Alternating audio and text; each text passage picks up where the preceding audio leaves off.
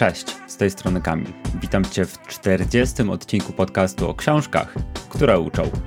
W tym podcaście omawiam najważniejsze lekcje z ciekawych książek, by zaoszczędzić Ci czasu lub zachęcić do ich przeczytania.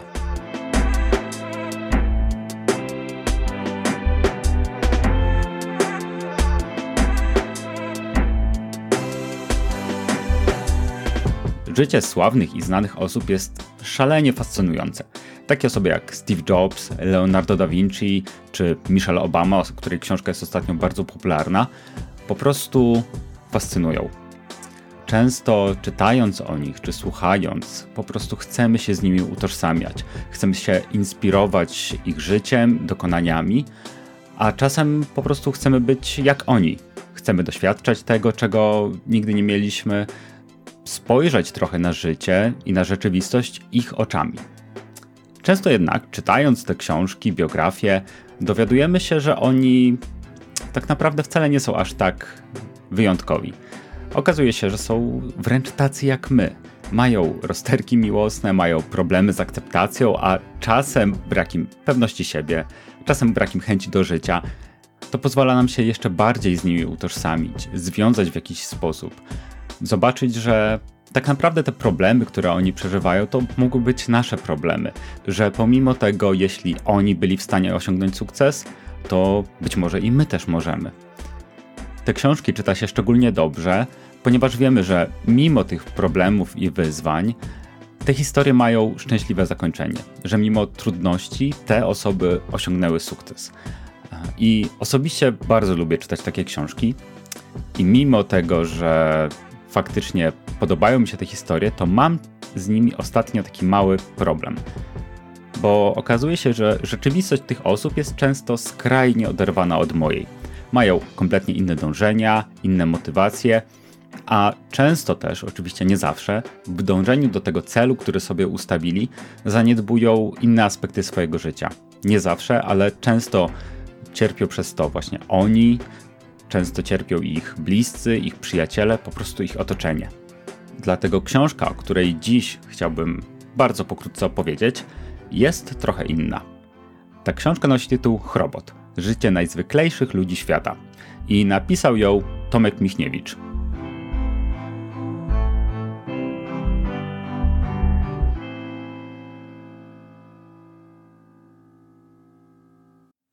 Tomek jest podróżującym dziennikarzem, fotografem, reportażystą, a nawet laureatem kilku nagród za swoją twórczość, zarówno radiową, jak i pisarską.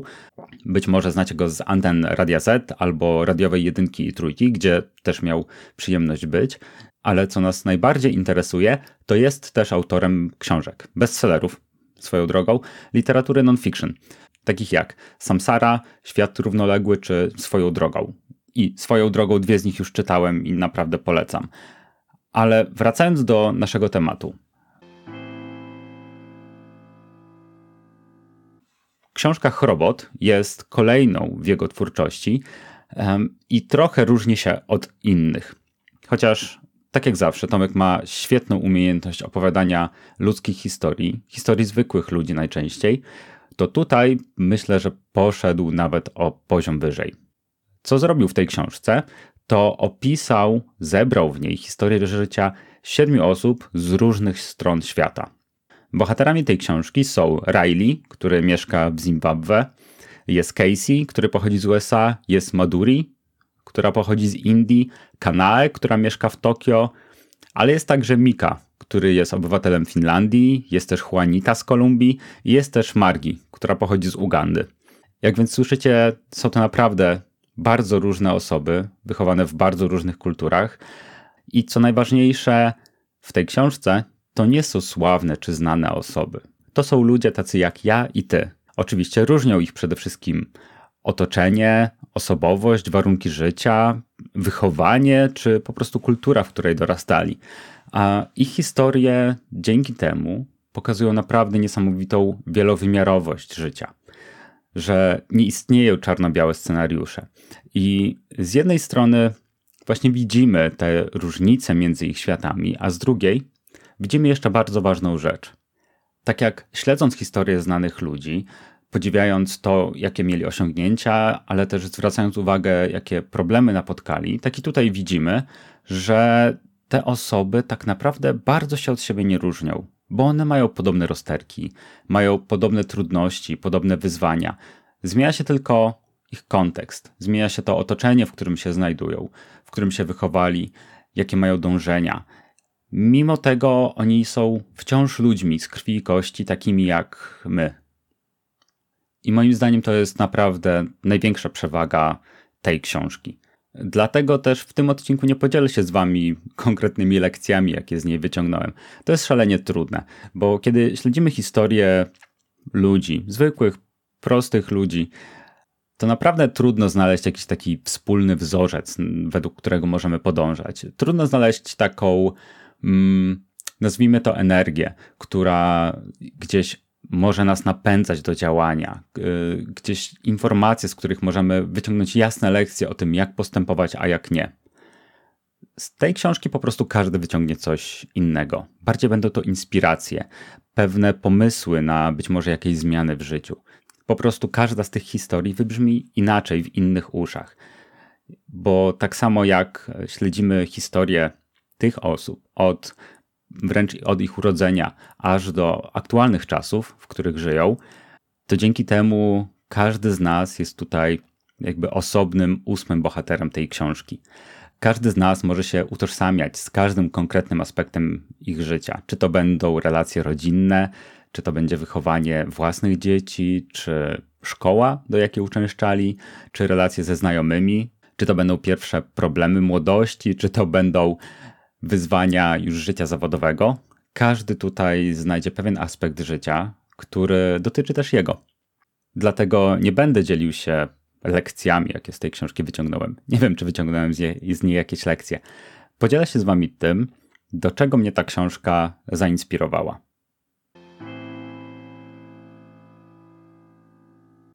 Ta książka zachęciła mnie, zainspirowała do trochę innego spojrzenia na ludzi wokół mnie. Bo tak jak lubimy się zachwycać osiągnięciami znanych osób, tak jak lubimy śledzić losy aktorów, piosenkarzy, sportowców, to to są momenty, w których widzimy przede wszystkim kulminację całej pracy, która się zebrała na to konkretne osiągnięcie. Widzimy efekt, a nie widzimy drogi nie widzimy tych e, setek wybieganych tygodniowo kilometrów, nie widzimy godzin spędzonych na siłowni. Widzimy tylko to, do czego tak naprawdę ta ciężka praca ich doprowadziła.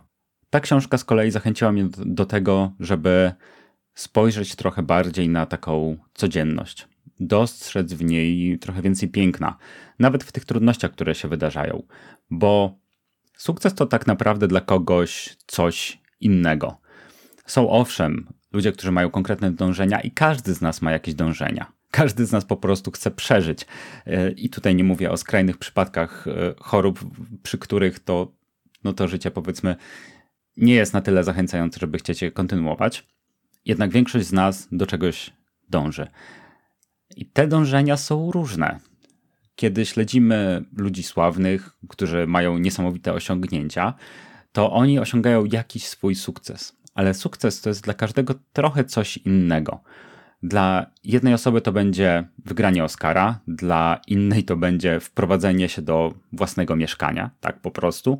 Dla jeszcze innej osoby to będą narodziny dziecka. Jedna z najpiękniejszych chwil, jakie wspominają rodzice. Dla kogoś innego to będzie wygranie złotego medalu w Mistrzostwach Świata w siatkówce, a dla kogoś innego to będzie zagadanie do dziewczyny lub chłopaka, który się mu po prostu bardzo podoba. I myślę, że wszystko to jest tak naprawdę piękne. To są elementy jakiejś takiej codzienności, której być może czasem nie dostrzegamy, którą nie uczymy się zachwycać.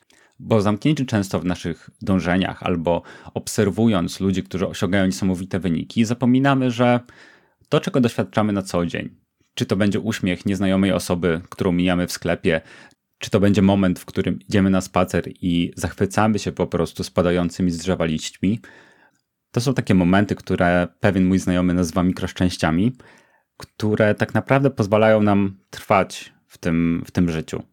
Czasem nawet trwać w dążeniu do naszych celów, ale pamiętając o tym, że ta droga to jest tak naprawdę coś, co się przede wszystkim liczy.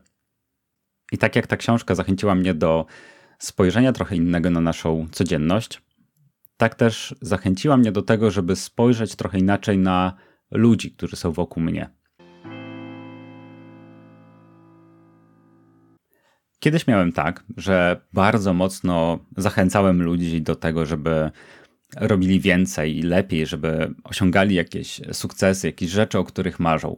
I całą moją uwagę, często w rozmowach z nimi, skupiałem na tym, w jaki sposób ja mogę im pomóc, do, żeby, żeby mogli to zrobić, w jaki sposób zachęcić ich do robienia więcej, lepiej. A nie zwracałem uwagi na to, czego oni tak naprawdę w tej chwili chcą, albo czego tak naprawdę w tej chwili potrzebują.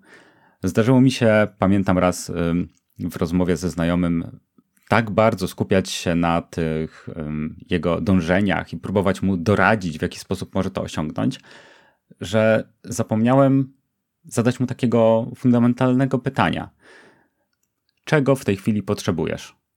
To jest fundamentalne pytanie, moim zdaniem, w relacjach z innymi, i czasem nawet projektując pewne nasze potrzeby na innych, przestajemy zauważać to, że te osoby pragną czegoś innego w danej chwili, że czasem ta ich rzeczywistość skrajnie odbiega od naszej. Ale to nie znaczy, że jest lepsza czy gorsza, jest inna. I czytając książkę Robot, zacząłem doceniać taką właśnie codzienność innych ludzi, ich odmienność. Zaczęło mnie to coraz bardziej ciekawić, to w jaki sposób oni podchodzą do takich e, czasem naturalnych spraw, jakie mają przyzwyczajenia, jakie mają myśli w ciągu dnia. To jest coś, co nas bardzo różni i często powoduje szereg nieporozumień. A zwrócenie na to uwagi, czasem takie odbicie się w lustrze innej osoby pozwala nam ją lepiej zrozumieć i być lepiej przy niej, nawiązać lepszą relację. A że lubię mieć dobre relacje z innymi, to od razu pomyślałem, że faktycznie mogę to wykorzystać w mojej, mojej codzienności. I to jest moim zdaniem coś pięknego i coś, co bardzo mocno ze mną rezonuje po przeczytaniu tej książki. I oczywiście, jak przy każdej książce, którą omawiam, ta książka też nie jest dla każdego.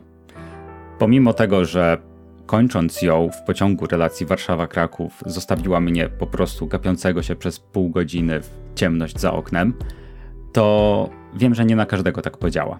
Już znam osoby, które próbowały ją czytać, ale po prostu język autora kompletnie im nie przypadł do gustu. I to jest ok. Każdy z nas ma jakiś swój inny typ i co innego go kręci. Ale jeśli czytałeś lub czytałaś tą książkę, to daj znać, do jakich ciebie przemyśleń doprowadziła. Bardzo chętnie usłyszę, jakie są twoje doświadczenia. Tak po prostu. Jestem tego naprawdę bardzo, ale to bardzo ciekaw. A jeśli jej nie czytałeś czy nie czytałaś, to zachęcam cię do tego, żeby chociaż dać jej szansę na chwilę. Jeśli to nie będzie lektura dla ciebie, to zawsze możesz ją odstawić po przeczytaniu kilku stron. Nikt nie powiedział, że każdą zaczętą książkę trzeba skończyć.